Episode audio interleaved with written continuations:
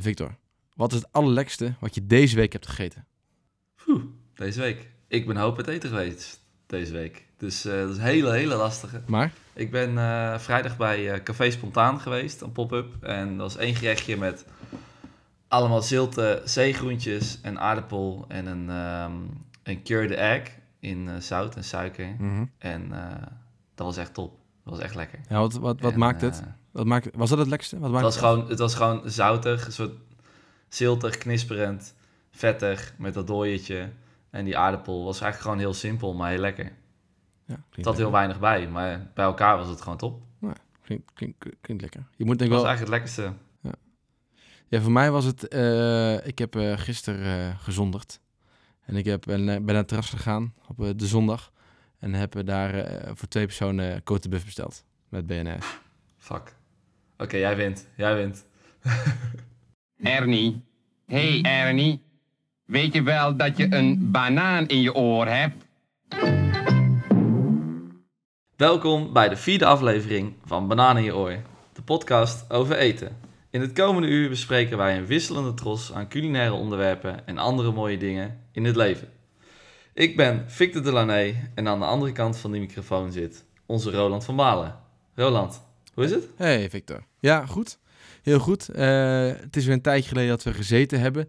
Door eh, Ja, zeker. druk- drukke, drukke projecten van beide kanten. Maar we over later meer. En het, ik vind het goed om weer eh, de tijd gevonden te hebben om te zitten en weer een mooi onderwerp te bespreken. Want toch hou je het constant bij, die podcast achter in je hoofd. En ja, ik heb heel veel zin om deze onderwerpen te bespreken met jou. Ik eh, ben het er helemaal mee eens en ik ben blij dat je weer achter de microfoon zit, jongen. Ja, ik denk dat we geen tijd te verliezen hebben, Victor. En gewoon eh, laten we gewoon een eh, onderwerpje pakken zoals elke week. We hebben al twee een tros aan onderwerpen verzameld.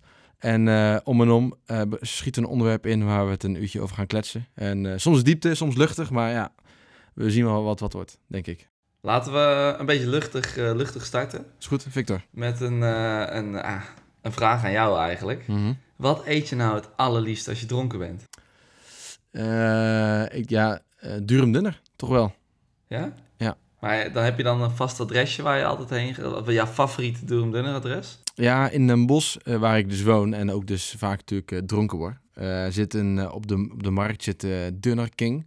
En, en dat is een heel klein zaakje. En het ziet er niet aan uit alsof die nou echt goede dunner hebben, maar die hebben wel echt hele goede dunner. Eh, goede, goede ingrediënten, goede dunner, goed fris. En het mooie daarvan is dat als die is zo groot dat... ehm, het is eigenlijk de vraag van, ben ik eerder thuis of is die op? Dat is een beetje altijd een wedstrijd. Jij eet hem lopend op. Ja, ik eet hem lopend op, ja. Naar huis. Goeie. Ja, goeie. ik, sowieso moet ik echt niet in zo'n tent blijven hangen. Ik moet die- ik gewoon lekker on the go of thuis, maar het liefst gewoon lekker onderweg naar huis. Dat vind ik het beste. Mooi verhaal. Ja. Hey, maar ik vraag het natuurlijk met een reden. Want? Want eh, ja, ik, ik heb iets en dat vertel ik heel vaak tegen mijn vrienden en eigenlijk tegen iedereen die dat maar wil horen. Maar nog nooit in de podcast. En eh, ik heb een dingetje met de kapsalon. Hm. En dan natuurlijk de kapsalon vanuit de dunner, eh dunner tent. Want ik kan gewoon niet begrijpen hoe de kapsalon zo populair kan zijn. Ja. Wat vind jij van de kapsalon? Nou, ik, heb, ik had het eh, in mijn horecatijd, had ik het heel veel. Want toen gingen wij gewoon met het hele team nog s'nachts gewoon naar de Turk. En was een Turk en dan kon je verschrikkelijk goed pizza's eten, maar ook wel echt kapsalon eten. En toen heb ik dat wel echt veel gegeten, maar wel zonder sla ertussen. Want dat heb ik echt nooit begrepen. Hoe dan? Dat je dan dat je een friet bakt, lekker krokant, en dan ga je dat vlees erop gooien in zo'n aluminium bak.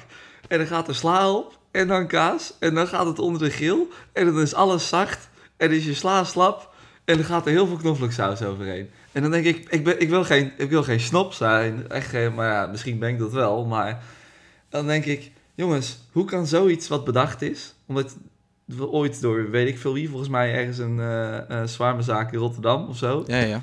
zo groot worden in Nederland. Terwijl wij natuurlijk in de branche zitten waar je constant nieuwe dingen probeert te bedenken. En probeert origineel te zijn en leuke dingen te maken. En, en dan heb je de kapsalon, die verovert heel Nederland. Ik heb wel het idee dat hij wel op zijn retour is. Dat de hoogtedagen Ja. van de kapsalon Mag- geweest zijn. Mag ik hopen? Nou, ik denk, het is ooit natuurlijk begonnen met... eh, nou, eerst hing natuurlijk ergens een keer die rol. Die, weet je wel, die hingen ergens al. Dus dat was al de basis. Die, eh, die, die, dat ronddraaiend spit. De dunner. Ja. Die, die, ja, en ik denk dat daar aan het begin natuurlijk wel de durum dunner... Dat, dat is natuurlijk wel gemaakt. En ook wel Eh, de, de broodje dunner is natuurlijk, daar kwam natuurlijk wel vanaf. En natuurlijk nog andere gerechten, maar die twee denk ik als het bekendste. Ja, en dan toch misschien gecombineerd met friet. Dat je dat toch een soort van dun, soort van dunne schotel eenpansgerecht geworden of zo is. dat het gewoon is van... Dat is het ook. Het is gewoon eigenlijk gewoon Eigenlijk. een, een, dunne scho- een hele dunne schotel in, een- in, een, in een bakje. En Gewoon in denk ik, één eh, bak. En dan kaas Dus als je, eroverheen. het- ja, als je dronken bent, het gewoon uit de hand in Ja. één keer naar binnen kan schuiven. Ja, ik heb er nooit zo over nagedacht, maar ik kan er ook nu in mijn hoofd gewoon niet bij hoe, hoe, hoe het ook gewoon terugredenerend hoe dit in hemelsnaam ontstaan is. Ik bedoel, stiekem, ik bedoel, ik hou ook al gewoon van gewoon vieze vette dingen. Ook zeker als ik dronken ben, dan, eh, dan maakt het me ook weinig uit. Maar een kapsalon gewoon, ik wil er gewoon uit principe niet meer uit beginnen, omdat ik me gewoon een klein beetje schaam dat dat zo populair kan Nou, zijn. ik heb laatst toevallig nog, eh, en nou, dus nog even terug naar eh, een paar jaar geleden, toen, toen ik hem daar at, toen was hij A in een soort van overschaal, werd hij gepresenteerd, dus gewoon in porselein, dat is altijd fijn. Porselein is fijn, dat, dat is al een stuk lekkerder. En, Als je eh, dronken bent. Als je dronken bent, dan heb je toch, Ja. is toch kwaliteit. Ja. En daarnaast deden ze daar ook nooit sla tussen. Dus Nee, dat is gewoon, dat kan gaan. Dat, dat, dat, Nee, en toen heb ik hem later een keer met sla, want iedereen zei, ja, het ho- hoort met sla, het hoort met sla. En dat is echt, het is gewoon echt teleurstelling. Het is een beetje alsof een soort van andijvie-garing, maar dan met sla en het is slap. En nee, het is een beetje alsof je andijvie-stampot hebt gemaakt. Rauw andijvie-stampot. ja, En dat je dan nog een restje over hebt. En dan denk je de volgende dag, nou, ik bak hem even op. En dat is eigenlijk niet meer lekker dan, want het is gewoon... eh, nee. ja, Alles wat sla moet Zo. zijn, al het vocht in die frieten, nee, nee, nee. Maar Ja. En ehm, het mooiste is nu, je hebt natuurlijk, nu heb je daarnaast in de kapsalon, heb je ook de nieuwe hype, wat nu iedereen heet. En dat is dan de gezonde kapsalon. kipsalon. Nee, ja, is, dat, is dat een ding, de kipsalon? Nou ja, ik, ik heb nu... Het is gewoon in, met, met kip. Ja, je hebt natuurlijk gewoon een kipdunner, maar eh, dat is nu al hier voor mij een hele trend. Iedereen zit in één keer aan de kipsalon. Van een Oh, kap- zo. Oh, ja, en dat- niet ja, de kipsalon. Bedenk ik nu te plekken. Dat is wel echt een goede naam voor een, een kapsalon met kip, een kipsalon. Maar gewoon, ik bedoel gewoon kip, durum, dunner en dat soort zaken. Gewoon alles gewoon in plaats van eh durum, dus eh, wat is dat, lam. En eh voor mij zit ook kalkoen in en al die... was een keer een goede aflevering geweest van de Keurings van Waarde over dunner, wat er allemaal in zit. Ja. Maar in ieder geval die samengestelde hompvlees heb je nu ook gewoon puur van kip. En ik, ja, dat heb ik nooit begrepen. Dat dat... eh, Maar het is dus nu een gezonde variant, ook met dat mensen allemaal zelf thuis maken, met zoete aardappel en ah, weet ik veel wat. is geen Dus lasagne. gewoon, ik weet niet, nee, ik weet niet hoe we dit, hoe we dit ooit gaan evenaren, maar en hoe het kan, maar maar Victor, ik is laat het zoiets zo populair. jou, jou... Ja, dat geen idee. Maar ik jouw, wilde het heel even kwijt. jouw haat Dat is terecht, maar dan vraag ik me wel af, wat eet jij als je dronken bent? Nou, een broodje kaasvlees vind ik echt lekker, met mayonaise. Lekker? Ehm, wat eet ik nog meer? Ja, ik geloof ook naar de Burgerbar. In Utrecht heb je de, heb je de Burgerbar. Ja? En die heb je ook in Amsterdam. En die is gewoon vaak tot vijf uur s'nachts open. Mhm. En dan kan je gewoon een burger uitkiezen. En dan kies je eh, ja, Irish beef of zelfs een Wagyu burger. En dan kan je je broodje kiezen met wat voor wat je wil. En al je toppings. En dan eet je gewoon een hele goede burger. En dan zitten je handen er van boven tot beneden helemaal onder. En dan Aflikken. en je gezicht. En dat lik je allemaal af. En dan veeg je nog een beetje half af van je broek. En dan eh, ga je naar huis. Maar kijk, als ik het eten ga, let ik sowieso nooit op geld. Maar dan al- helemaal niet als ik dronken ben. Maar Nee, bestel, je niet de meest dure dingen s'nachts. Ja, meestal is het zo, die... Dan meestal denk ik nog van, nou, ik proef het nu toch niet als ik een Wagyu burger ga eten. Dus ik ga gewoon voor een basic burger. Maar daarna, dan heb, ik- heb je, je hebt natuurlijk honger. Dus dan ga je al die toppings erop bestellen, die allemaal een euro per stuk zijn. Ja, ja, tik nog aan. Of zo. En dan, dan ga je de sky high, inderdaad. Maar dat, ik eet toch wel graag... Nu, ik, ja, maar eerst, eerst had je dat niet, maar nu kan je dus makkelijk een burger eten. Nou, ik kan eh, geen... eh, ik zou niet hier een broodje kaasvlees met mayonaise kunnen scoren s'nachts. Hier in een bos. Ja, maar Kees Kroket, jongen, dat heb ik laatst nog gedaan. Oh ja, ja, maar daar heb ik echt een... eh, daar kom ik niet... Ik kom, dat ligt niet op de route voor mij. Oh, nee, dat Daar kom waar. ik precies niet langs. Dus dat is denk ik ook wel belangrijk wel. Ik vind het sowieso omlopen voor eten. Ik wil er gewoon langskomen. Dat is toch wel echt lekkerste. Als je gewoon, weet je wel, op de, op de weg terug. Nou, nu hoorde ik laatst ook... ruikt en dan... Even om dit af te ronden. Ik hoorde laatst ook een mooi verhaal van... eh, eh, we hebben laatst een project gedaan. Daar spreek ik denk ik nog over anderhalf. Ons poprestaurant. En eh, daar werken gasten. En die bij ons mee. En die in de keuken. En die wonen dicht bij een bakker. En wat die vaak doen. En dat is echt ja, een geniaal verhaal. Die trekken dan door en dan op een gegeven moment alles dicht. Hier in een bos, uurtje of vier, weet je, kan niks meer te eten halen. En dan nemen ze nog eentje en dan hup, thee, drinken zo'n, weet je, en dan gaan ze naar huis. En dan kloppen ze bij de bakker aan. En dan, die kent hen ondertussen. En dan eh, haal ze even een worstbroodje, want die bakker is dan al wakker. En dan krijgen ze een paar euro een paar worstbroodjes mee, mee naar Ja, huis. Waarom dat was gewoon koud. En dan hebben ze gewoon thuis een lekker worstbroodje om te eten. Het is perfect. Dat deed ik vroeger ook altijd. Als we uit de kroeg kwamen in eh Vianen, er was helemaal niks open s'nachts. Behalve als je het laat genoeg maakte op vrijdag of zo. Dan was gewoon de bakker al Ja, bezig. dat is echt een geniaal tip. En dan gewoon de eerste drie keer kloppen negeerde die je. Maar op een gegeven moment als die je na- zoveel weken elke keer zag, toen deed hij toch een keer de deur open. En dan altijd even een warm croissantje of eh, wat hij dan ook had. Wel mooi. En als je echt geluk had, dan gaf hij gewoon een zak gratis mee. En dan was het, hey jongens, eh, veel plezier. hè. Ja, ja, ja. ja En dan, eh, dat waren de beste avonden. Dat hadden wel Nee, een- dat is top. op mijn eh, foodlist, food bucket list, om gewoon een keer dat te doen. Bij bakjes s'nachts aan te kloppen. En eh, het lijkt me echt mooi. Dat lijkt me echt fantastisch. Ja, leuk. Maar genoeg over Volgende. dronken eten. Ik, Victor, dan snijden we meteen misschien het serieuze onderwerp aan. Waar, ik het toch, waar ik dan nu al wel, hoe lang we nu opgenomen, nou een week over na zit te denken. Ik wil het eigenlijk hebben over vlees eten. Want ehm, nou, jij eet vlees, ik eet vlees. In ieder geval, de laatste keer dat ik jou zag, had jij vlees. En ehm, eh, toch merk ik nu dan, nou, door, ook door het vakgebied, dat zei jij ik ook merken, misschien ook met de aanvragen die jij krijgt. Maar dat het is toch, er is een, een trend van minder vlees eten. Nou, dat moet geen verrassing zijn, denk ik. Dat, dat weten we al lang. Eh, er is ook een, maar dat heeft meerdere beweegredenen. Soms is het echt compleet van eh, stoppen met vlees eten, omdat eh, het vegetarisch wordt steeds normaal normaal. Eh, soms is het bewust minder, de flexitariër bekend. Maar ik, vraag, me- ik probeer altijd even verder te denken en ik vraag me af, en dat is mijn hardstatement, en dat is niet heel terecht, maar ik, ik, ik vertel het altijd wel zo, is vlees niet de nieuwe Zwarte Piet? Ja, of het nieuwe roken. Of het nieuwe roken? Inderdaad. Ja. Ja, Nou, Dat het is, denk ik ook. Het is nog, roken is nog, heeft te maken met, met gezondheid. En Zwarte Piet is natuurlijk wel een extreme vergelijking. Maar ik bedoel meer van, is het iets, dat is meer echt cultureels. En ook van, en, eh, en bij Zwarte Piet, daar gaan we natuurlijk die discussie niet over hebben. Maar daar is het ook wel uiteindelijk toch wel duidelijk als je goed over nadenkt wat het uiteindelijk is. We zijn er eigenlijk allemaal over uit, maar we zijn er nog niet klaar voor, weet je wel. Misschien, in ieder geval, Nederland is nog niet klaar voor om mee te stoppen. Maar als je er goed over nadenkt, dan moet ook mee stoppen. En is, mijn vraag is, is vlees dat ook niet zo? Oftewel, is eh, als je echt goed na gaat denken over vlees eten, is het dan niet. eh, ja, heeft het dan nog wel zin om, om überhaupt te eten? Als je weet je wel. En dus, oftewel, ik merk gewoon dat, dat hoor ik ook steeds meer. Ik heb laatst een artikel gelezen van. eh, toen ik dit las, ben ik compleet gestopt met vlees eten. En het gaat dan over. En dat gaat dus daarover. Als je nou echt bewust wordt over de vleesconsumptie en industrie. Als je het echt weet en goed over nadenkt, dan eet je gewoon geen vlees meer. En ik heb voor mezelf altijd het idee gehad van, nou, ik eet vlees, natuurlijk al minder en bewust. En eh, ik wil dat ook wel onderbouwen, maar ik weet niet zo goed hoe ik dat moet onderbouwen. Waar, dat we onderbouwen waarom je het minder eet. Nee, nee, waarom ik het überhaupt eet. Oh, waarom je het überhaupt eet. Ja. Ja. het is ook een hele lastige. Het is gewoon bijna een soort gewoonte eigenlijk. Ja. En omdat het lekker is, is je eh, andere beweegredenen. Toch? Je vindt Nou, het lekker. Ja, Ook. ik vind, ik vind het zeker lekker. En ik vind ook wel eh, eh, dat... eh, nou, mijn visie op vlees is, is dit. Het is natuurlijk super groot en we gaan niet alles onderwerpen. En misschien dat we nu iets starten, de luisteraars misschien niet starten. Maar mijn visie, misschien ben ik nu naar jouw visie, want het is een te breed onderwerp. We kunnen alle kanten op, maar misschien is dit een leidraad van... ik vind dat je... Oké, ik heb een tijdje geleden, heb ik bij, misschien dit verhaal even verteld, ben ik bij Vion geweest in Bokstel. Is een varkensslachterij, een van de grootste van Nederland en voor mij van de Benelux. En die slachten daar 10.000 varkens per dag. Immens. echt bizar. Immens. Echt een industrie gedreven op prijs. En dat heeft toen al mijn geopen, ogen geopend. Niet dat ik mm, eh, geen vlees meer ben gaan eten, maar dat ik, ik ben anders vlees gaan eten. In de vorm van, je, ehm, je moet vlees weer met respect behandelen.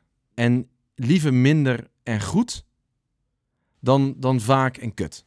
Ja, maar dat is, dat is ook wat, je, wat al een hele goede stap is. En wat je merkt is dat in de Randstad, in de grote steden, mensen ook echt zo denken, zeg maar. Ik bedoel, alle mensen die ik spreek in mijn omgeving, eh, in de stad of Randstad, die, die hebben daar wel iets, die snappen dat en die zijn ermee bezig, zijn er zelf heel bewust van of zijn inderdaad vegetariër, laten het eh, vaker staan, denken meer na over dierenwelzijn. Maar ik merk ook, ook door mijn werk, dat er juist daarbuiten in de provincie en plekken mensen daar nog helemaal niet mee bezig zijn. Nee. En dat het, dat het gewoon, eh, ik bedoel, eh, barbecuen is nog nooit zo populair geweest. Ja, eh, driekwart van de mensen op ook al die barbecue fora, forums en zo. Ja, die zijn alleen maar bezig met hele grote hompen vlees eten. En barbecue is alleen maar heel veel vlees ehm, grillen en bunkeren. En de kwaliteit maakt nog weinig uit. En het dierenwelzijn, dat, dat, dat, daar zijn ze nog überhaupt helemaal niet mee bezig. Ja, maar dat is, dit is sowieso een, een probleem. Een probleem niet. Een, eh, iets wat natuurlijk vaker speelt in de, nou, tussen haakjes, foodie eh, wereld. Is dat in ons hoofd zijn we veel verder dan Nederland is. Dat zie ik nu ook wel toen nu we natuurlijk in Albert Heijn liggen. Dan moet je in één keer een product maken voor de massa. En de massa is zoveel, zo, loopt zo achter op, eh, de, eh, op ja, wat, wat wij allemaal denken, wat, wat de gang van zaken is. Ook in horecazaken. Uh, te innovatieve concepten in grote steden werken gewoon simpelweg niet. Omdat de massa is er nog niet klaar voor. En het is een heel beperkt groepje waar, waar je het voor maakt. Maar Ja. ik vind het Maar aan de andere kant... Ik daarbij vind, ook zo. ik vind het ook niet... Ik, ik ben nu vooral benieuwd naar hoe jij... het- Weet je wel, want ik denk dat we in de Hoe theorie... Hoe, je- nee, maar hoe jij dat in de praktijk doet. Hoe, hoe ben jij in de praktijk bezig met vlees? Ik, ehm, weet je wat eigenlijk het punt is? Ik, ik denk er eigenlijk niet eens bij na. Dus ik kook heel vaak vegetarisch. En ik, ik kook altijd van een soort perspectief of ik eet. Gewoon van dingen die lekker zijn. En ik, hou, ik lust alles. En ik, ik kan heel erg genieten van hele mooie groenten en hele mooie producten. En ik kijk altijd gewoon naar van... Hé, wat is lekker bij elkaar? En er is gewoon 9 van de 10 keer helemaal geen vlees bij nodig. En de enige keren dat ik dan echt vlees eet... is als je, wat je net zegt, als je een cote buff gaat eten... of, of waar ik echt van hou, is gewoon mooie hammen, charcuterie, ehm, worsten. Dat, zou, dat kan ik heel moeilijk missen. Dat, dat vind ik wel echt lekker. En dat eet ik ook ja, best wel vaak gewoon. Want ik koop gewoon graag zo'n hele grote ham... en die snij je dan elke keer aan... En, dat, dat vind ik wel echt moeilijk. Maar verder merk ik gewoon dat ik, ik heel erg eh, van nature al heel veel vegetarisch eet. In mijn hoofdmaaltijden, zeg maar. Dus van lunch en, en eh, eh, avondeten. En dat ik dat ook in mijn werk, want ik schrijf natuurlijk heel veel recepten voor heel veel bladen en bedrijven en dergelijke. En dat, dat, die recepten gaan ook grotendeels juist naar de provincie. Want ik bedoel, daar wonen ook heel veel mensen in Nederland. En dan probeer ik ook toch mezelf een soort ehm, onderwijzende rol, zeg maar, eh, eh, te geven. Door heel veel vegetarische recepten erin te zetten.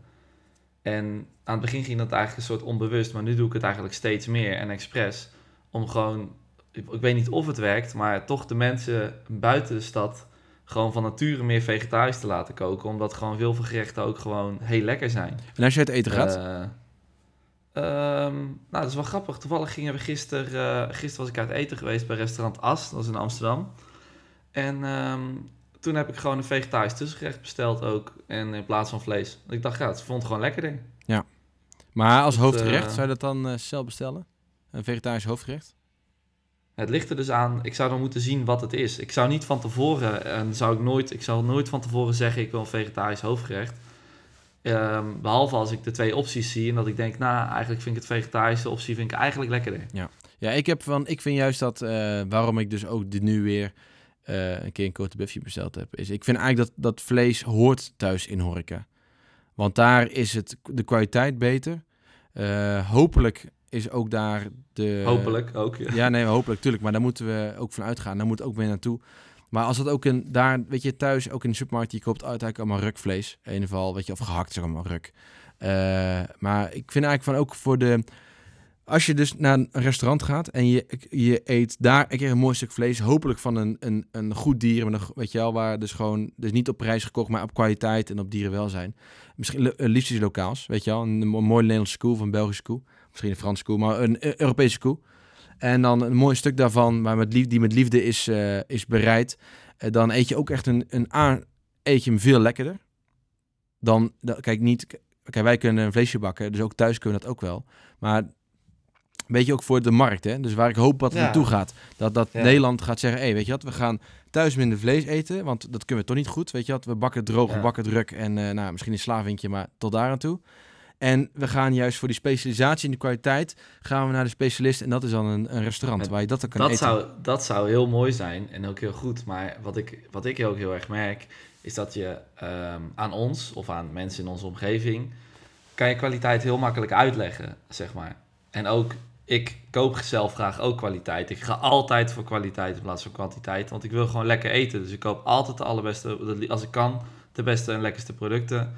En ehm, ik heb liever een beetje waar ik heel erg van geniet, dan grote hoeveelheden waar ik minder van geniet. Maar er zijn gewoon heel veel mensen in Nederland die niet zo denken. Want ik heb ook wel eens met, met een heel simpel voorbeeld als pasta's. Waarom, hoe kan je nou uitleggen dat het ene pak pasta een euro duurder is dan de ander? Mensen die, die, en die hebben dat er gewoon minder snel voor over. En die gaan dan toch vaker voor, voor die de hoeveelheden. En dat is een beetje het ding dat moet veranderen. Want je kan, het is zoveel lekkerder als je dat geld bespaart. En je gaat gewoon één keer in de week, in plaats van dat je elke week vlees eet, één keer in de week zo'n cote buff eten. Nou jongen, dat wordt je helemaal gek. Dat is toch hartstikke, dat is hartstikke lekker man. Dan zit je echt te genieten. Fles wijn erbij. Absoluut. Of, eh, of je haalt een, eh, weet ik veel, een heel mooi stuk eh, varkensvlees. eh, of een, eh, een heel mooi stuk buikspek wat je dan eh, eet. Ja, dit geldt ook voor vis trouwens, voor, voor mij. Weet je wel, een goed stuk eh, vis, dat eet ik liever bij een, eh, een leuk visrestaurant. Weet je wel, waar kwaliteit is, vers is, goed ingekocht in het seizoen. Dan dat ik, nou, de- dat, ik dat in, ah, in de Albert Heijn moet halen, waar het al- allemaal ruk is. Of, of bij een, eh, een visboertje op de markt, waar ik altijd ook twijfels over heb.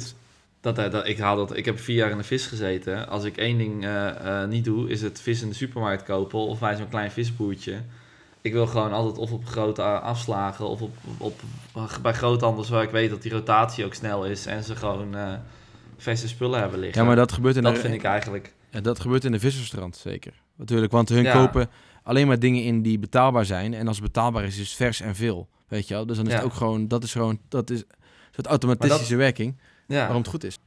Maar dat is ook het, eh, daarmee is dat ook zo. Maar ik merk gewoon dat het wel heel moeilijk is nog steeds om aan de mensen uit te leggen en dat bij de massa zo te krijgen. Want ja, mensen blijven ook gewoon, die, die denken daar nog niet aan. En het is ook, ja, dat is dan in Nederland. Maar als je bijvoorbeeld eh, ehm, buiten Nederland kijkt, in armere gebieden, of met, tenminste minder ontwikkelde landen, die zijn er helemaal niet mee bezig, jongen. Die kunnen dat, maar dat is ook gewoon zo. Want je, dat, dat, als je eh, de rest allemaal op orde hebt, dan ga je, zoals bij ons in Nederland, dan ga je op een gegeven moment over die vraagstukken nadenken. En er zijn gewoon nog zoveel eh, slagen in te halen. Maar ja, ik ben, al, ik ben er zelf altijd heel erg mee bezig. Ik zou ook het allerliefst een eigen varken willen en eh, die eh, ehm, voeden. Omdat ik ook vanuit werk altijd heel veel eten over heb wat weggegooid wordt. Met fotoshoots en, en heb je gewoon heel veel ja, dingen die niet gegeten worden omdat het gewoon niet meer lekker is omdat het heel lang heeft gestaan of niet gaar is of dat soort dingen. En ik zou het liefst een varken willen die je dan gewoon eh, met dat eten zou voeden en dan na een, een, een, jaar of zo zou slachten en daar met ik weet niet hoeveel mensen van zou eten. Ja, lijkt me ook geniaal. Ja. Want ik vind en dat, nu kom ik. En, nu kom ik precies op het punt. Ik, ik heb nog even één vraag hiervoor. En dan, want eh, vind, vind jij in jouw werk ook dat je, soort van jouw, niet jouw missie is natuurlijk een beetje, een beetje corporate klinkt het, maar vind jij ook in jouw werk als ehm, receptontwikkelaar, weet je wel, ook, je hebt een beetje sturende factor natuurlijk, op wat er in de bladen komt in, en je hebt een best wel grote, nou, je hebt best wel veel bereik, jouw recepten, weet je wel, die je maakt en die je schrijft. ja. En daarvoor, dat is jouw invloed die jij hebt. Vind je Ja. ook jouw taak om mensen te, minder vlees te laten eten?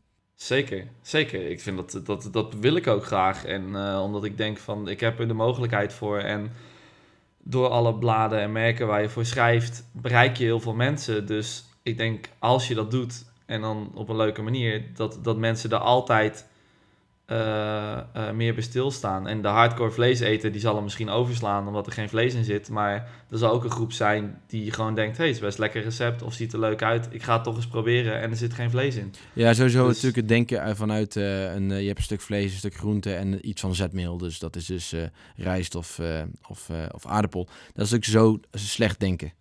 Dat is Eh, zo, want zo kan je geen lekkere vegetarische maaltijd Nee, maken. nee, want dan, dan, dan blijf je bij je saaie groente en dan bij je saaie aardappel en dan, ja, dan is het ook saai. Maar je moet na het niet, eh, niet zo denken. Maar nu even nog terug dan even nog naar het, naar het ethische, waar ik helemaal aan het begin, waar, we, waar ik aan het begin even moeilijk zag om naar een haakje te zoeken. Wat ik eigenlijk, waar ik dus vaak over nadenk, is ook als mensen vragen van waarom eet jij vlees? Weet je, dat is ook, dat- in mijn hoofd probeer ik dat antwoord nog te zoeken. Want, want als, iemand, als ik aan iemand vraag waarom eet je vegetarisch, kan je het zo uitleggen en dan snap ik dat ook. Maar andersom is het altijd wel moeilijk. Waarom eet jij vlees? En ik denk een belangrijke eh, onderdeel voor mij is van, waar ik me wel bewust over ben, van je moet je eigenlijk natuurlijk afstellen. Dit, is dit gaat heel diep, maar ik wil het niet te veel diep behandelen, maar wel even zeggen van, mag je als mens, sta je boven dieren, zodat je ze mag houden en mag eh, laten geboren worden en laten leven voor menselijke consumptie, weet je wel? Ja, Ben, ik- ben daar ook Nou, ben, ik oké? daar, ben ik daar oké mee? Ja. Dat is wel een vraag Ja. die je natuurlijk moet afstellen als, als vleeseter, vind ik. En toen Zeker. ook, toen ik, ik heb dus in ook gewoon varkens geslacht zien worden eh, op een hele grote schaal. En ik vind dat een super belangrijk onderdeel van, eh, van, eigenlijk, van eigenlijk opvoeding. Weet je wel? Van waar komt Ja, eten vandaan? zeker. Dat is een mega probleem. En ik heb ook een keer de film Vleesverlanger gezien van ehm eh, Marijn Frank, Marijn Frank. Eh, ik heb eh, haar toen heel ook- goed vond ik die ja, heel goed, heel goede film. En za- daar beschrijft zij voor mij gewoon exact het punt in. Van, ik vind eigenlijk dat iedereen moet een keer gezien hebben hoe een... ja, ja, vind ik wel. Ja. Iedereen moet een keer Ja, gezien helemaal, hebben helemaal mee eens. hoe een, hoe een dier geslacht wordt. En, omdat je, en dat je dan die, jezelf die vragen moet afstellen, vind Ja. ik dat het mag voor mezelf. En, Ja. Want dan, als je dat als het antwoord nee is, nou, je kan er niet meer leven of je kan niet hoofd, nou, dan, dan ga je, word je vegetariër. En daar heb ik alle begrip, alle respect voor. Zeg je, zeg ja, nee, ik vind het kunnen, maar ik ben me er wel bewust van. Dan ga je ook uiteindelijk, wat, jij, wat wij nu aan het zeggen hebben, ga je dat ook automatisch mee doen. Want dan wil je ook geen ruk meer hebben. Dan wil je ook gewoon juist dierenwelzijn, kwaliteit hebben. En dan kan je er ook op die manier van genieten, omdat je weet wat er ook achter Ja. zit. Ja, nee, dat, ik, dat, dat roep ik ook altijd tegen iedereen. Dat, dat ben ik het helemaal mee eens. En dat is ook de reden waarom ik een varken wil. Is ook omdat ik hem gewoon wil opvoeden en dan slachten en dan kijken wat het met me doet. Ik wil gewoon dat proces doorgaan van wat doet dat met je? Ben je dan nog een vleeseter? Kan je er dan nog van genieten? Of geniet je er dan juist extra van omdat je weet, ik heb het een goed leven gegeven, maar je gaat ook hechten aan een beest. Maar dat is al veel extremer weer. Maar gewoon dat zien van hoe dat het geslacht wordt. Eh, vlees is gewoon een dier, dus iedereen zou dat mee moeten krijgen, ook in je opvoeding. Ja, maar het wordt al En- gauw een product. Dat is, dat is natuurlijk Ja. voor iedereen eh, die... Omdat het in 10.000 per dag gaat, Ja. dan wordt het gewoon een product. Het wordt gewoon, het is massa, het is zo groot. Dan als je ehm, een heel dom voorbeeld eigenlijk, maar ik heb ook in visrestaurants gewerkt en de eerste keer dat je een kreeft eh, doodmaakt, dan eh, sta je er even bij stil en op een gegeven moment doe je er 20 op een avond Ja. en dan denk je er echt niet meer bij na. Ja, ik heb dat ook met... ik heb, ik heb vroeger veel gevist op, het- vanaf het strand. En heb ik ook heel veel vis gevangen. En uiteindelijk gewoon eh, met de kop op de steen kapot doodgeslagen. En, eh, daar, en dan s'avonds lag ik de barbecue. En dat is natuurlijk nooit bij nagedacht. En, maar bij, bij een, een, een dier net zo groot als jou, een koe, weet je wel, is Dat dat, is natuurlijk veel- is dat veel intenser. Veel intenser. En, eh, maar ik vind dat wel goed. En ik ben nog steeds... Ik, ik worstel een beetje met die vraag. En daarom wou ik er nu ook met jou over Maar beginnen. dat, maar dat is ook een goede en ik, vind- daar ben ik het ook mee eens. En dat zou eigenlijk iedereen moeten zien. En dat maakt ook de. ehm het, dan kan je ook de vraag beter beantwoorden waarom je nog vlees eet, zeg maar. Want eigenlijk heb je heel. Zijn er meer goede argumenten om het niet te doen dan om het wel te doen? Nou, kijk, we hebben het nu heel veel gehad natuurlijk over het ethische. En ik denk dat heel veel mensen minder vlees eten om het milieuaspect. Ja, maar bedoel, er zijn dus heel veel argumenten om eigenlijk vegetarisch te eten. Vanuit allerlei oogpunten, eigenlijk. En om wel vlees te eten zijn eigenlijk minder. Want ja, om te zeggen, ja, ik vind het lekker. Zometeen, daarom, zometeen kan dat bijna niet meer. Want iedereen wordt er steeds kritischer op dat je, dat, dat je alleen dat kan zeggen. Maar ehm, je hebt er gewoon wel meer Nou, leverage of zo. nee, maar als, nee- je, als je... Victor, je zit nu midden in het punt. Wat, het is, er is er geen andere reden eigenlijk. Dat het, dat het lekker is en dat we het, dat we het ons hebben toegeëigend. Kijk, het, van, het is van nature is natuurlijk heel logisch. Vanuit toen we, toen we jagers-verzamelaars, eh, weet je, en, en nog een aantal je- nodig. We hadden het gewoon nodig, want het was een, een snel en snelle manier van voedingsstoffen toe-eigenen. Ja. En nu, we hebben het nu niet meer Nee, nodig. nu Niet hebben we de- Zeker niet in deze hoeveelheid. Tenminste, je hebt misschien sommige stoffen die erin zitten. Nou, je mist- B12 of zo ja, wel. B12, ja. Je, je mist gewoon B12, maar dat kan je natuurlijk Ja. gewoon slikken, hè, door voedingssupplementen. En dan op principe, je hoeft het niet te eten. Maar, ja, nee, en dat- zeker, zeker niet in de hoeveelheden waarin we het nu consumeren. maar kijk, in Dat geval zo. hoef je ook geen eieren, weet je, te eten. Je hoeft ook geen melk te drinken, je hoeft ook geen kaas te eten. Maar daarvoor zeggen we vaak, ja, maar dat vinden we lekker en dat hebben we ons toegeëigend. Nou, En in, in die vorm vind ik ook dat je kan zeggen, maar wel bewust, ik eet vlees omdat ik het lekker vind. En, Ja, dat en, is ook en prima. misschien in sommige... ehm, eh, in tot op zekere hoogte dan. Nou, en nog in sommige landen, wat Nederland meer is, dat ook wel tot de cultuur behoort. En dat is natuurlijk een, een raar argument, maar heel veel dingen veranderen. Technologie verandert als een malle. Eh, weet je wel, de wereld staat niet stil. Maar één ding verandert zo langzaam, dat is eten. ja, dat is ook zo. Omdat daar wil iedereen juist aan tradities vasthouden Ja. in eten. Maar eten is, ook maar, e- eten is ook maar eten uiteindelijk. Maar dat verandert zo traag. Dat is, vind ik altijd bijzonder om te zien. Dat hebben we een keer in een eerdere podcast besproken over technologie en eten. Dat het eigenlijk altijd moeilijk samengaat. Maar het is exact Ja. dat. Want eten verandert gewoon heel weinig. Nee. Heel, Omdat er gewoon iedereen juist die, die herinnering... Eten is ook gewoon heel veel herinnering en, en emotie. Mhm. En mensen willen gewoon heel erg aan, aan ja, die kl- klassiekers en vroeger en, en alles vasthouden ook wel een beetje. En wat je lekker vindt. En niet iedereen is daar experimenteel in, zeg maar. Nee. En eh, het- maar het is een goede ontwikkeling als dat... eh, het zou gewoon ook mee moeten ontwikkelen. Want al- alles verandert door de jaren heen. En dit moet ook gewoon gaan veranderen. Maar het is... Wij in Nederland zijn nou echt wel ver met die gedachten. En de rest van de wereld is nog echt veel... Er zijn heel veel landen, bedoel ik, in de wereld... die echt nog helemaal niet zo ver zijn. En eh, je hebt juist eh, de eh, China en de andere landen waar de economie beter wordt. Dus waar er juist nog meer vlees gegeten gaat worden.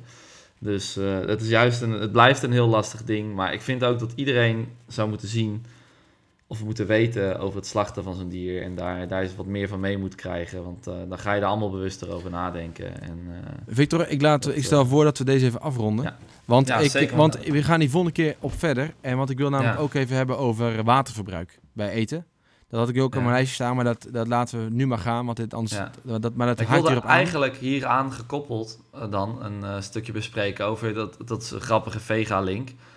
Ik las een artikel eh, op internet over dat eh 3% van de foodtrucks maar vegetarisch is. En dat het overgrote deel verder vlees verkoopt. Wat dus echt nog steeds belachelijk weinig is. En dan heb ik ehm, een paar weken terug op de Ronde Keukens gestaan. En dat doen we ieder jaar. Jij hebt het ook een aantal jaar gedaan. En ehm, dan merk je ook gewoon dat vlees dus het hardst verkoopt.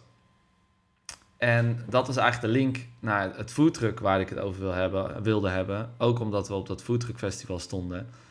Is ehm, omdat foodtrucks eigenlijk op een hele rare manier ehm, ja, in Nederland geïmplementeerd zijn. Zeg maar. Foodtrucks zijn ontstaan in Amerika natuurlijk. Of nou, tenminste niet ontstaan, maar heel populair geworden tijdens de crisis. Omdat er met minder budget, nou, kon je dan zo'n keukentje ergens op straat gaan staan. Hele lekkere dingen maken. En dat was laag geprijsd. En mensen konden, die konden een groot publiek bereiken. En zo, zo werden food, foodtrucks steeds populairder. Nou, op een gegeven moment is dat allemaal overkomen waaien. En juist die gedachte van dat laag geprijsd, goede kwaliteit... ehm, en ja, die hele erge toegankelijkheid. Ja, single purpose vind dat- ik ook belangrijk. ja, dat ze doen dat één ook, ding inderdaad. goed. Ja, en dat, dat is in, in Nederland eigenlijk nooit van de grond gekomen. Nee, alleen, Omdat het- alleen op festivals wil je zeggen, maar Ja, gewoon op de alleen straat. op festivals. Maar niet om... om kijk, heel veel gemeentes die willen dat dan niet of zo. Dat is in Amsterdam toen ook zo'n ding geweest. En ze deden wel een pilot. Maar eh, horeca, die was daar vooral bang voor. Voor concurrentie en dat soort dingen. Maar daardoor is eigenlijk het, het foodtruck... eh, de, de hele foodtruck scene... eigenlijk gewoon op een hele rare manier in Nederland terechtgekomen. Want nu is het alleen maar op festivals. En er zijn er heel veel festivals. En de allerleukste is dan nog steeds het weekend van de Ronde Keukens. Vind ik. En eh, muziekfestivals, dat daar ja, ook en tegen. muziekfestivals nu ook. Maar door al die festivals is dat hele idee van het toegankelijke, eh laag geprijsde helemaal weg.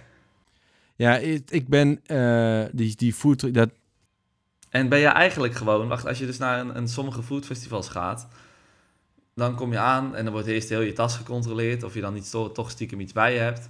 Nou, dan ga je drinken halen en dan ben je eh een eerste rondje moet je dan eh, vijf glazen extra halen natuurlijk. Dat is bij alle, alle festivals zo. En dan omdat je het glas moet betalen, nou dan ga je nog even naar de wc, moet je nog even een muntje betalen voor de wc.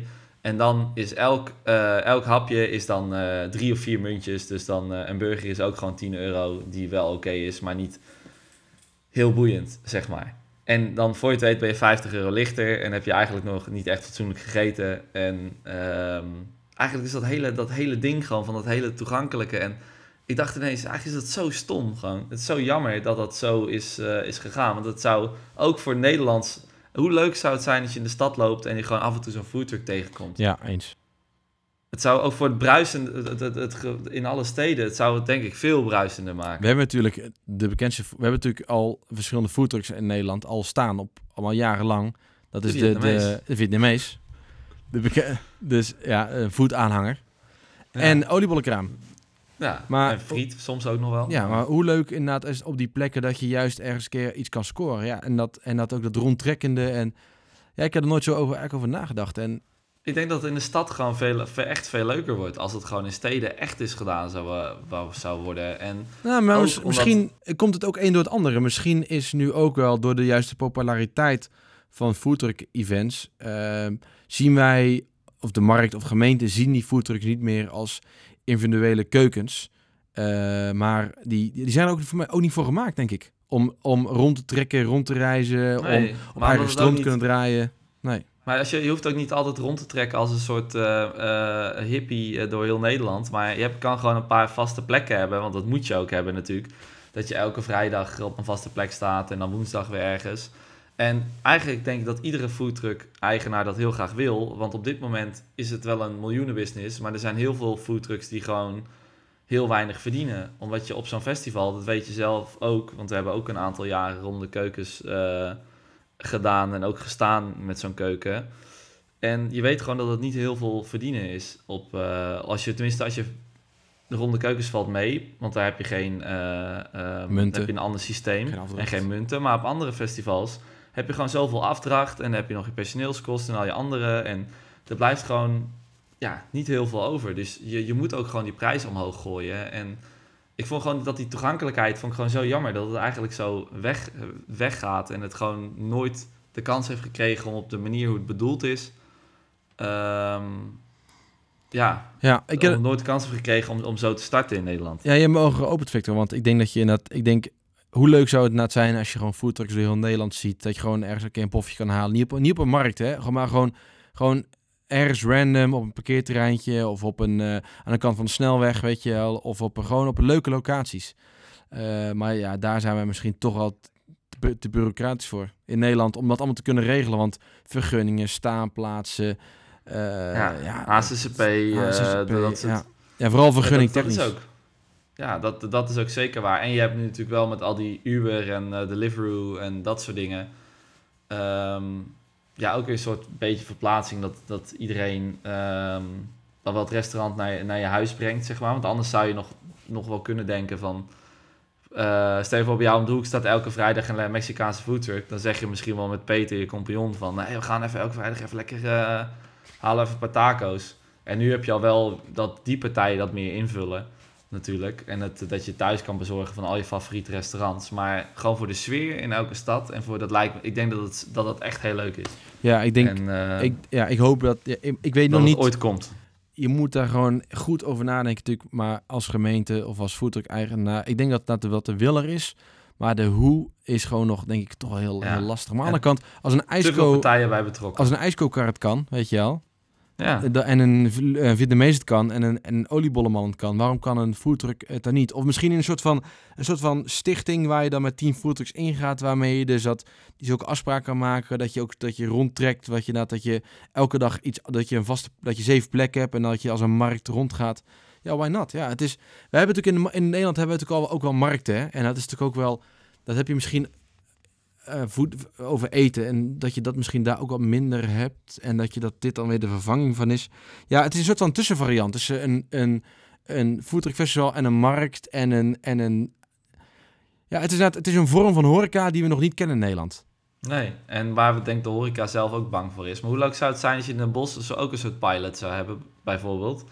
Waarin je 20 weken hebt of zo. En dat er eh, elke eh, twee weken een andere foodtruck staat op die plek. Gewoon om te testen en kijken hoe het is. Ja, ik, het lijkt me echt het lijkt me een heel goed, heel goed Ja. idee. Nu wil ik wel... En dat er dan... Ja, dan wil ik nog iets anders over foodtrucks zeggen. Dat Ja. ik wel, ik ben, dit, dit, wat, wat ik wel geinig vind eraan, is dat, dat hoe die markt ontwikkeld is. Het ging eerst van een beetje, die eerste foodtrucks in Nederland waren, waren eerst gewoon natuurlijk gewoon cateringwagens met een tent ervoor. Dus gewoon dus totaal niet gemaakt om uit. Toen in één keer kwamen er, De witte partytent. ja, daar, toen kwamen er in één keer eh, caravans met een luikje, heel, heel bunny, heel toegankelijk, heel open, heel vrij. Toen in één keer werden die trucks li- gelikter en gelikter en gelikter en helemaal afgewerkt. En dan werd het gewoon trucks van, van een ton helemaal gerenoveerd. En nu merk je dat dat weer niet werkt. Dan verkoop je er helemaal een drol mee. Dat je nu weer juist terug moet naar die, die tussenbalans tussen eh, geloofwaardigheid en, eh, en, eh, en speelsheid en, en een beleving omheen creëren. En dat je eigenlijk daardoor weer al die, die gelikte trucks buiten spel zet.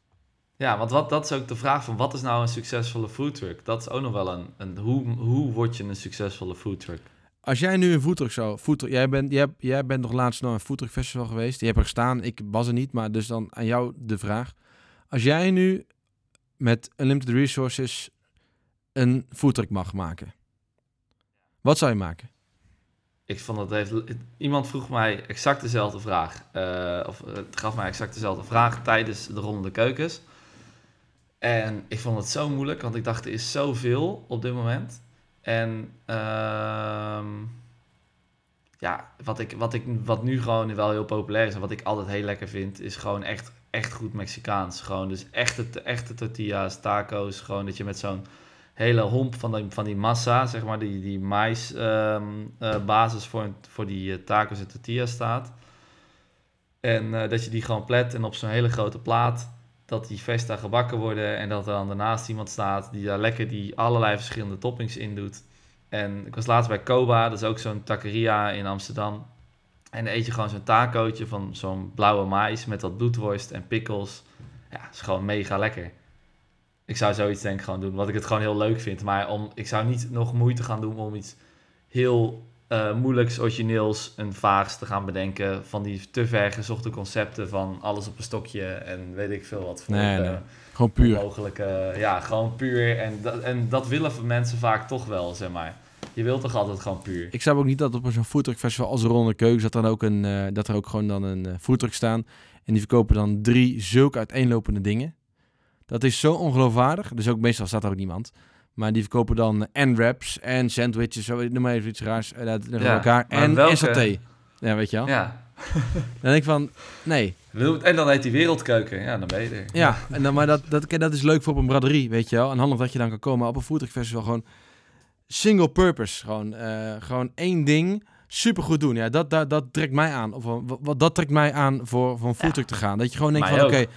Eh, gewoon een foodtruck die alleen maar, wat ik veel, eh, nou, ook bijvoorbeeld, natuurlijk een mooi, de foodtruck koning is van Jort, Ja. Smoky Goodness. Ja. En eh, nu en dan komt hij weer, Massa en de, de foodies, zeg maar. De, dat, ik, wil, ik wil mezelf geen foodies noemen, maar nou ja, ik Voor nu wel even wel. Gewoon even voor het gemak, foodie. Ehm, Ja. De massa vindt het helemaal geweldig. Weet je wel? Ja. Die vindt het van... En dat, en dat doet hij supergoed. Maar, Zeker, Maar- het ziet er gelikt uit. ja, maar de foodies... Of ik, misschien, ik wil trouwens niet voor de foodies spreken. Ik wil er vandaan blijven. Ik vind dat het jammer dat hij weer te veel aanbiedt. Ik ga dan liever naar een tentje ernaast die alleen maar ribs doet. Zo, weet je wel?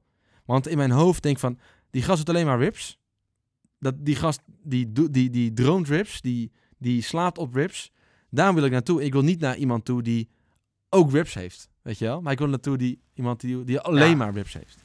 Dat, dat, dat wil ik ook, omdat je dan gewoon weet van hij is hier zelf mee bezig. Hij heeft waarschijnlijk de allerbeste ribs. Juist. Dat is niet altijd zo, maar die gedachte heb ik ook. Maar dat, die mega eh, specificatie en die, ja, wat normaal ik zeg, ja, single purpose, dat vind, ik, dat vind ik echt heel mooi.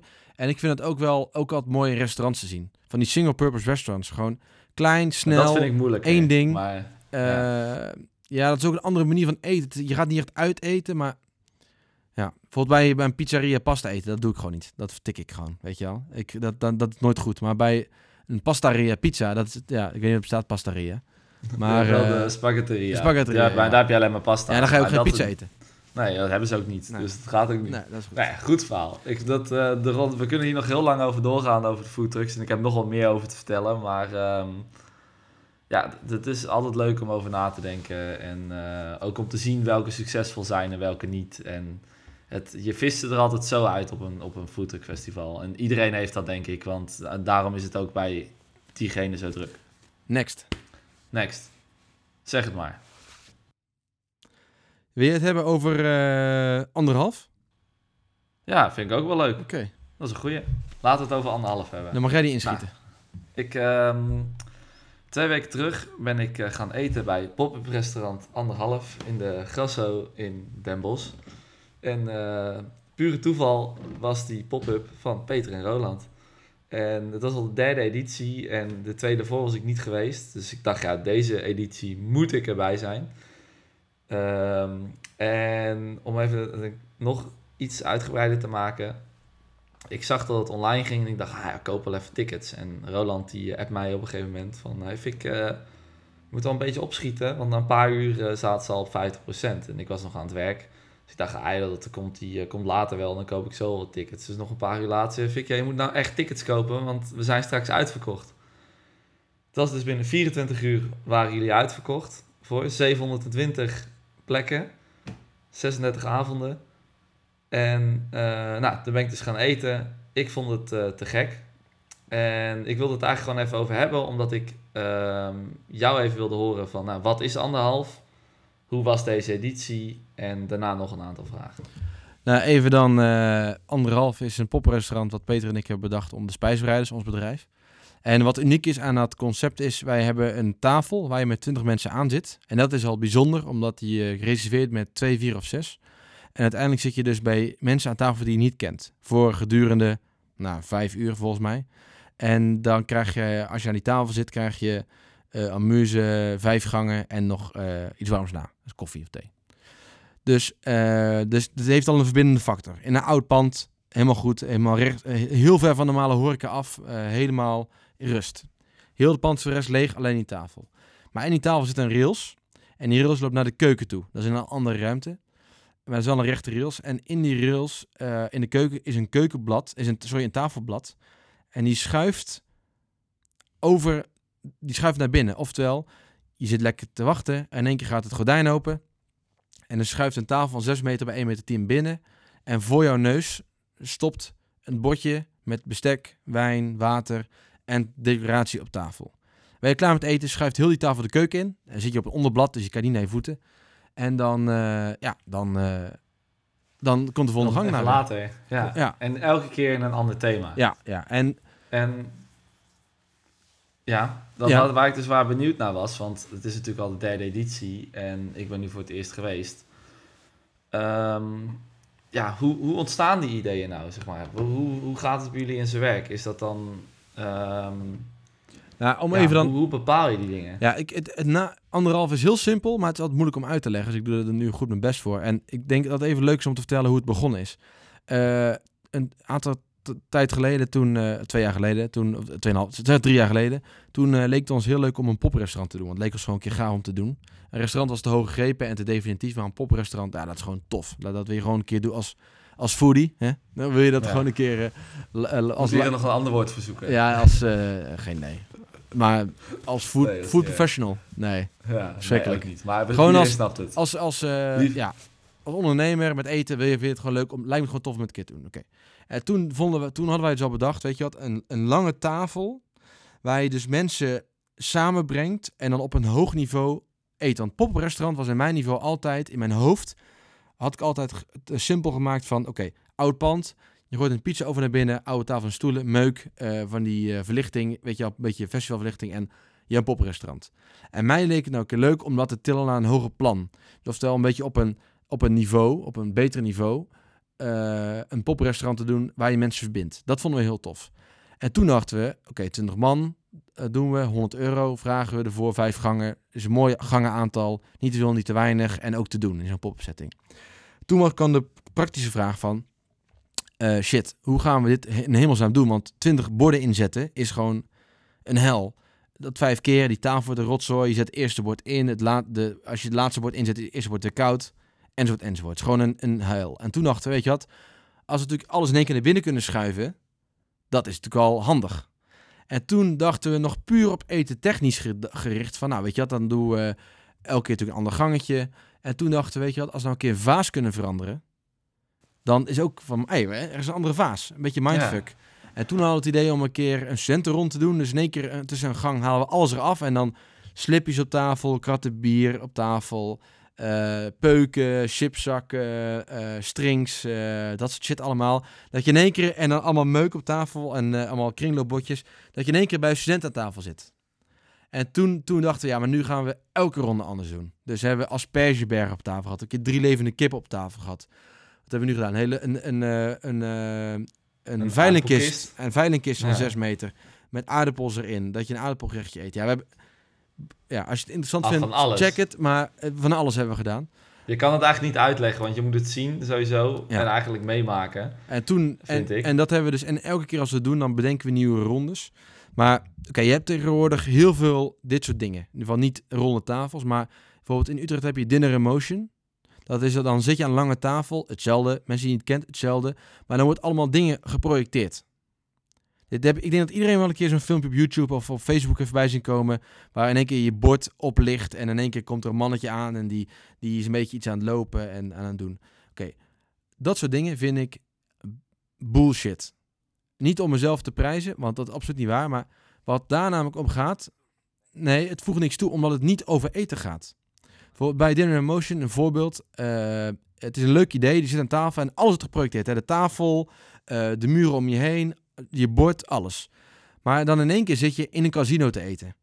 En dan, met, en dan rollen de pokerchips op tafel. En dan met allemaal een grote roulette tafel. En dan denk ik van, dit is echt bullshit. Want het moet om eten gaan. Ja, maar dat is, dat is ook de reden waarom ik nooit naar zo'n dinnershow of zo zou gaan. Want als ik uit eten ga, wil ik gewoon het eten genieten. En dan is het altijd, eten altijd ondergeschikt of zo. Of, of tenminste, wordt, op een of andere manier heb je daar ook minder aandacht voor. Dus is het minder belangrijk. En ja, ik hou er ook niet van. Het, bij jullie is het anders, want het, het gaat wel elke keer... ehm, komt er iets heel anders binnenrollen en zit je in een hele andere omgeving. Maar het, het verhaal en alles draait nog steeds om wat er op het bordje ligt en wat er in het glas zit. Ja, dus dit is sowieso een beetje onze algehele visie. Ook met het maken van concepten. Is dat het moet altijd... Het, de, een, een ronde, of, een, of het nou een ronde is die we dan serveren... of een horecaconcept is die we schrijven voor iemand anders of voor onszelf...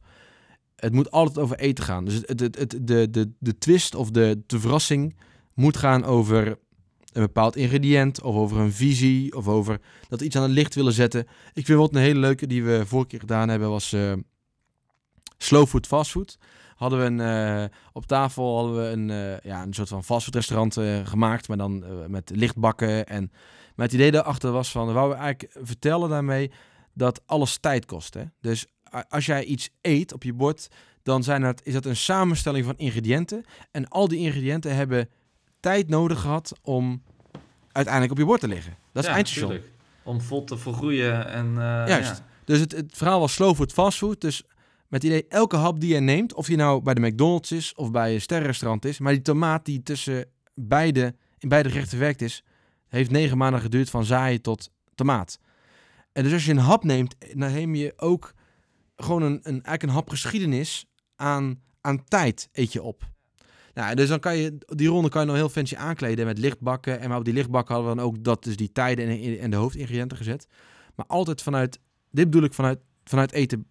Ja, bedenken. nee, dat snap ik. Dat is helemaal... Maar hoe, ehm, hoe ontstaan die ideeën dan bij jullie? Is het dan dat je, je doet, een- gaat brainstormen en is het iets wat, wat zomaar...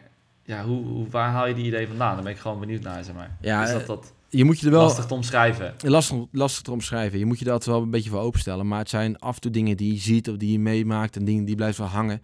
En zo, ik, kijk zo, hoe werkt inspiratie? Dat is ook zo natuurlijk een andere Ja, vraag. dat is ook zo moeilijk. Hoe Ja, werkt voor jou inspiratie? Kijk, jij, jij bent nu Ja. ergens aan het eten en een jaar later schrijf je een receptje en je moet aan een saus denken. En in één keer denk je aan een combinatie met ei. Of wat had je nou wat op? Hoe heet dat ei? Oh, en eh, zo'n cured egg. Zo'n cured soort, eh, ja, zo'n, eh hoe heet dat, Ge- gepekeld ei. Juist, en in één keer komt hij in één keer pekelen, weet je wel. Dan, dan denk je, het Ja. totaal ander en dan denk je, shit, dan moeten we daar eens doen. Hey, of dan denk je, hey, dat pekelen, dat heeft het conserveren, weet je wel. Ik ga het over conserveren hoe gaat hebben. het, hoe gaat het proces dan in zijn werk? Want op een gegeven moment hebben jullie dan het, eh, een bepaald idee. En dan ga jij dan aan de slag met, met de, de... Bouw je al die dingen zelf, zeg maar? Ja, nou, we hebben dus, dus, op, dus een... eh, voor de luisteraars, we hebben dus een, tafel schuift naar binnen en die tafel die herken je nooit terug. Waar we dus een... We hebben, oké, dit is een mooi voorbeeld. We hebben dus... ehm we wouden het heel graag hebben bij een dessert. Zaten te brainstormen. We wouden, we wouden een dessert serveren, maar we wouden graag één ingrediënt centraal stellen. En toen dachten we, wat is nou een mega belangrijk ingrediënt in een dessert? Dat is ei. Maar ei heeft nooit een... een Hoofdrol. Nee, ja, een, een Ja. smaaktechnische eh, keuze om dat te verwerken. Maar altijd een, een, een, een bereiding. Eh, dus een, eh, ja, een soufflerende werking of een stollende Ja. werking of een binnende werking. Dus het is altijd functioneel. Dat is het, een functionele Ja. werking. Maar het is oh zo belangrijk, zeker in de, in de patisserie. En Ja, toen zeker. dachten wij van, oké, dat gaan, geniale product. dat gaan we, juist, dat gaan we uitli- uitlichten. Dus toen hebben we gezegd, oké, we doen een ode aan het ei en een ode aan de kip. Dus toen hadden we het idee van, laten we drie levende kip op tafel zetten. En dan een ode geven aan die kip. Dus nou, dus dat gedaan. Dus, dus oké, Peter en eh, eh, hij is toch mijn Ronald. Oké, we maken een ode aan de kip, ode aan het ei. En toen eh, heb ik, ben ik gaan denken, hoe gaan we dat doen? Toen zei ik, hey, laten we drie levende kip tafel zetten. Hebben we een kippenhok gebouwd die op tafel kon. En met lichtinval en die op tafel paste en die aan elkaar kon. En Peter is toen een gerechtje gaan. eh, dit is natuurlijk een heel makkelijk voorbeeld, want het is heel makkelijk uit elkaar. Met zoveel mogelijk functies in een ei. En dan schuif je dat naar binnen en dan komt dat samen. En dan klopt het wat op het, bord, wat op het bord staat, klopt. Wat op het tafel staat, klopt. En samen klopt het. En dit is ook wel een beetje de inspiratie die ik altijd meegeef aan horecaondernemers. Van, dit is ook een manier hoe jij in een horecazaak jou, jou, jou een gerecht kan opmaken. Voor een hoofdgerecht, we hadden nu het vrije varken, een heel varken met heel mooi vlees. En het idee daar eerst was van, die, die varken eet, eh, die komt dingen tegen. In het, want dat, die, wordt, die wordt losgelaten in bossen, dus die, die komt dingen tegen. En het idee was eerst om, dat is een beetje van afgestapt, maar om dat varkensvlees natuurlijk mee, mee te werken. Maar eigenlijk alles wat hij eet, aan nootjes, aan gras, om dat weer te gebruiken voor de bijcomponenten op het bord. Weet je wel? Ja. Dus je eet Ja. het varken, maar je eet ook alles wat hij eet. Ja, dit kan je natuurlijk heel mooi ook in een normaal restaurant ook gewoon serveren met dat Ja, verhaal zeker erbij. weten. Dus Dat, maar dat, dat zou ik veel meer moeten. Maar dat, dat, heb je, dat is alleen weggelegd voor de mensen die er helemaal weg van zijn. En die, die echt passie voor het, voor het vak hebben. Ja. En die heel goed, eh, en dat hoop ik nog wel heel goed zijn. Dat hoop ik dat, nou ja, dat, dat, dat hebben wij natuurlijk een beetje toevallig ontdekt. Dat, dat, maar dat hoop ik dat ik dat nog wel meer ga terugzien in restaurants. Dat, je, dat er meer visie zit achter een gerecht. In plaats van meer van, oké, ik wil, ik heb een mooi stuk vle- vlees en daar hoort dit, is dit lekker bij, smaakt technisch. Nee, het moet waarom, weet je. Je moet een, een soort van verhaal waarom alles samenkomt. En niet meteen smaakt technisch, want jij weet ook, we kunnen, je kan, je hoeft het niet. Je, hebt, je, je kan in smaken zoveel doen. Je bent daar niet in gebonden, weet je wel. Je kan alle kanten. Nee, je kan alles doen. En het is wel leuk om te, ook te vertellen over het ontstaan van een gerecht of het proces of dat soort, eh, ehm, ja, wat je met zo'n varkentje, om dat mee te nemen allemaal. Maar wat ik nog, eh, ook nog benieuwd naar was, veranderen die dingen dan ook nog gedurende die, want je hebt hoeveel, 36 avonden, evalueert dan, ondanks dat het evenement gestart is, evalueert zo'n ronde dan toch nog in die 36 dagen? Ja, het is natuurlijk vooral in de, de, de ronde zelf verandert niet. Het eten verandert niet. En wat op tafel staat verandert niet. Maar af en toe dan ver- verandert het verhaal wel. Omdat we merken dat eh, het is, het eenvoud is het makkelijkste. Weet je wel? Dus dat, dat is meer het punt. Af en toe dan hebben we hele diepe ideeën over een ronde. Met een hele moeilijke gedachtegang erachter. En dan zitten we er zelf helemaal in. Maar dan krijg je het gewoon niet in twee, drie zinnen uitgelegd. Dus af en toe, af, dus af en toe verandert dat nog wel eens. En dat is ook wel onze leerschool. Van je moet af en toe moet je het echt ook simpel houden. En dan, maar ook heel simpel. Hoe, hoe simpeler het idee, hoe krachtiger het ook is, weet je wel? Ja, Hoe makkelijker het ja, ook kan, ah, kan uitleggen. Zoals een ode aan de kip. en overbrengen. Dat, is- dat is super simpel. En Ja. dat snapt iedereen. En dan, daardoor is het ook krachtig, de- denk ik. En natuurlijk kan niet altijd even krachtig zijn, maar dat is zoeken. En dat is ook uiteindelijk ook in een... Maar dat is met elk horecaconcept, met elk voertuigconcept. Hoe slimmer het idee, hoe, ja. hoe leuker, hoe pakkender, hoe makkelijker. En Ja, eh, ja, we moeten de vooral beste denken. De beste gerechten zijn ook altijd de simpelste, maar dat zijn eigenlijk de moeilijkste, Ja, nee, absoluut. zeg maar. Omdat, Dat omdat, er ook, omdat er ook weinig van afhangt. Omdat het Ja. dus bestaat uit weinig componenten. En dat is goed uitgedacht dan altijd. Juist. Dat is altijd, het is heel goed over nagedacht. En dan nog, maar wat is nou, als je ook deze afgelopen even editie kijkt, vind ik ook leuk om te weten. Wat is nou echt het grootste, diepste punt? Of wat was nou het meest lastige onderdeel waar je echt tegenaan hebt gelopen in deze afgelopen editie? Eh, dat vind ik echt een lastige vraag. Ja? Niet iets wat er, eh of waar je een, een, een, ja, een bepaald, wat gewoon Ja, heel we was. hadden, ja, we, we hebben, wat we, kijk, normaal hebben we dus die tafel, daar doen we het mee. En wat we nu hadden konden doen, ja, het is ook, mensen die nu denken, waar hebben ze het over? Kijk, kijk zoek ook op eh, anderhalf, eh, op poprestaurant anderhalf, want dan in één keer alles valt op zijn plek. Maar we hebben dus een tafelblad en die schuift heen en weer. En nu hadden we, wat we nu gedaan hebben, is dat tafelblad er uitgehaald. Eh, dat ding is 200 kilo en dat is niet te doen. En dan wordt de serre een nieuwe naar binnen gerold. Ik zal niet vertellen wat, wat het wordt, maar dat is ook niet uit te leggen. Maar, dus we hebben dus nu, en toen, voor ons was het een heel, heel groot dingetje om dat heel dat blad eruit te halen en dan iets nieuws naar binnen te rollen. Dat was voor ons een, een huge ding gewoon te doen. Ja, En dat uiteindelijk, toen merkten we dat fysiek gewoon moeilijk. fysiek moeilijk het- en die tafel slijt. En eh, wat we gebouwd hebben was super duur en super arbeidsintensief om te maken.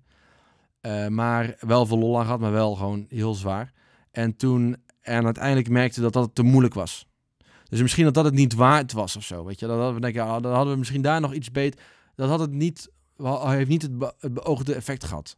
Maar daarentegen hebben rondes die we dachten die het veel minder zouden doen, deed je het veel beter. Dus uiteindelijk ook daar weer, je kan het nog zo goed bedenken. Ook je, je, je menu, je gerecht, je concept, je, je horecaconcept. Maar eh, ja, Hoe het uiteindelijk, de uitwerking de- kan nog, nog, de proof is in de pudding. De proof is in de pudding, weet je wel? Ja, ja. De proof, is in de pudding. Het is, het, het, ja, het staat als het staat. Ja, nee, zeker. Maar wat ik eigenlijk, ik wil het hier even over hebben, omdat ik zelf gewoon heel erg fan ben. Sowieso van pop-up restaurants, omdat ik het al heel leuk vind. En je altijd een hele unieke ervaring hebt. Heel, tenminste heel vaak, want het is altijd leuke locaties. En je, hebt, eh, je spreekt leuke mensen. En het is een hele andere ervaring dan normaal uit eten gaan. En zeker bij jullie, ik vond het echt gek. En eh, sowieso vind ik dat, eh, dat mensen veel meer naar pop-ups toe moeten. Want het is echt de moeite waard. En ik vond het leuk om even te horen van hoe het in elkaar zit. Ga het vooral even bekijken, want dan heb je er een veel beter idee bij. Ja, ja, ik zou de links in de show notes zetten van eh, de vorige aftermovie. Het is zeker heel gaaf. We, hebben, we zijn ook enorm trots op. We zijn er een klein beetje moe van, want het is net afgerond. Het is ook heel moeilijk uit te leggen, maar ik hoop dat ik nu een beetje heb kan kunnen schetsen wat het idee erachter is en wat we ook willen meegeven. Eh, we zijn lang aan het opnemen, maar het is ook een lange tijd dat we het niet opgenomen hebben. Zo even, ik wil nou even één onderwerpje aansnijden om mooi af te sluiten. En eh, dan mag jij kiezen, Victor, of we over kookprogramma's hebben, of over Coca-Cola hebben, of over de houtfrikandel. Eh, de houtfrikandel duurt twee minuten, hè, denk ik. Ja. Zullen we dat doen? Doe maar even de houtfrikandel. Bon. Oké. Vorige eh, aflevering hebben we het gehad over de houtfrituur. Dat er dus allemaal ja, hout, eh, of luxe frietzaken zijn, nu kroketzaken. En dat niemand begint aan de houtfrikandel. En vandaag was het moment daar. Tromgeroffel. Ik zat op Instagram te kijken en Taiko, een restaurant uit Amsterdam, die stond op de Taste of Amsterdam. En die serveerde daar, je raadt het nooit, de houtfrikandel. Wat maakt hij ervan? Ja, iets met langoustine had hij er eentje. En nog een met kalf, volgens mij. En dan zoals het dus ook bij alle andere snacks zou kunnen zijn. Mooi opengesneden. Verschillende toppings ertussen. En toen dacht ik, vanaf nu moet het losgaan met de houtfrikandel. Ja. Ik zeg, go. Want je kan er zoveel mee variëren. En er zijn zoveel mogelijkheden mee. En het is zo rete populair in Nederland. Frikandellen eten. Dus Come on. dit, wordt- dit wordt 2018, 2019 wordt de jaar van de frikandel. Met moeilijke Ja. toppings. Sowieso. Ik, het moet gewoon. Maar die Ik frikandel, had hij, die, de- gewoon, had hij die ook nog... Had hij die zelf ambachtelijk gebreid? Of was het gewoon een simpele Ja, frikandel? dat- of? Nee, nee, nee. Het was gewoon natuurlijk van allemaal verschillende eh, eh, ingrediënten. Dus de Ah, basis zo, was ja, van... Ja, dus gewoon net als dat je een anders een frikandel... Dus een soort vars, een vars maakt, zeg maar. Dus een soort vleesdeeg. Wat je dan stoomt of gaart en daarna frituurt. Ja, en dan met, eh, weet ik, gepikkelde mosterdzaadjes... en andere lekkere toppings en de mayo. En Ja, het is en-en. Ja, dus, is, dus je maakt eerst een speciale frikandel. En dan maak, daarna maak je hem speciaal speciaal.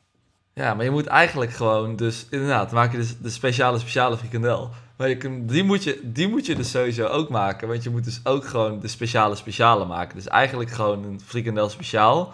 Maar die dan speciaal is. Ja, ja, ja. En, ja, ja, ja. Dus, maar je moet eerst al een... De frikandel zelf is al special. Special frikandel, speciaal. Ja, dat, maar het, ik, ik vind dat er gewoon... Ik zit te wachten. Als die er is, dan eh, gaan we erheen en dan gaan we er eten. Ik weet niet, er moet- het moet er gewoon komen. Eén- Oké, oproep aan alle, Alle snackbarren die luisteren. Ja, en we hebben nog een dingetje. speciaal. En ik denk dat we daar een mini-afleveringetje over moeten maken. Want ik heb nog steeds een hele doos met Nederlandse cider staan. Ja, die zijn er goed aan het rijpen, ja. En eh, die moeten we opdrinken. En dan moeten we gewoon even een kwartiertje eh, lullen. En dan gaan we vertellen wat we ervan vinden. Ja, ik eh, laat... dat Dat, komt dat, binnenkort. lijkt me een goede, goede... En we gaan, als ik straks op ehm ophangen druk, gaan we die meteen plannen. Want anders dan, eh, komt er nooit van. Doen we. Eh, Victor, Top dan idee. eh, wil ik onze luisteraars weer bedanken op dit moment. Die nog blijven hangen. Het zijn er worden steeds meer. We hebben nu ook regelmatig contact van... Hey, wanneer komt er weer een aflevering? Nou, hij komt. En we horen graag van jullie wat jullie ervan vinden. En wat, wat, wat, we, wat jullie willen dat we bespreken. We zijn nog, op nog steeds op zoek naar een gast. Eh, Ja. Ook qua ideeën, maar ook logistiek moeten we zeer kijken hoe we dat kunnen doen. We kunnen niet beloven dat het de volgende keer er is. Ik denk dat het nu belangrijker is dat we het nu gewoon weer gaan oppakken. Oppakken. Ja, en we hebben nu al de helft van de onderwerpen besproken. Dus we kunnen volgende week hoeven we nog ineens te zoeken. We kunnen gewoon weer verder waar we gebleven waren. Want er zijn nog heel veel mooi op het lijstje. Eh, ja, vergeet je nog te zeggen, Victor. Nee, eh, bedankt voor het luisteren. En ja. Deel deze podcast. Help ons. Deel deze podcast met je culinaire vrienden, met je foodies. Deel het Ja. met al de foodies die, die, die je kent. En eh, heb je nou zelf een idee van, hey, dit moeten die gasten bespreken? Laat het weten. Schrijf een review op iTunes of eh, nou ja, kijk op uh, bananioor.nl. Leven de frikandel. Leden frikandel. Victor, Doei. tot de volgende keer. Tot de volgende keer. Haal die banaan nooit uit je oor!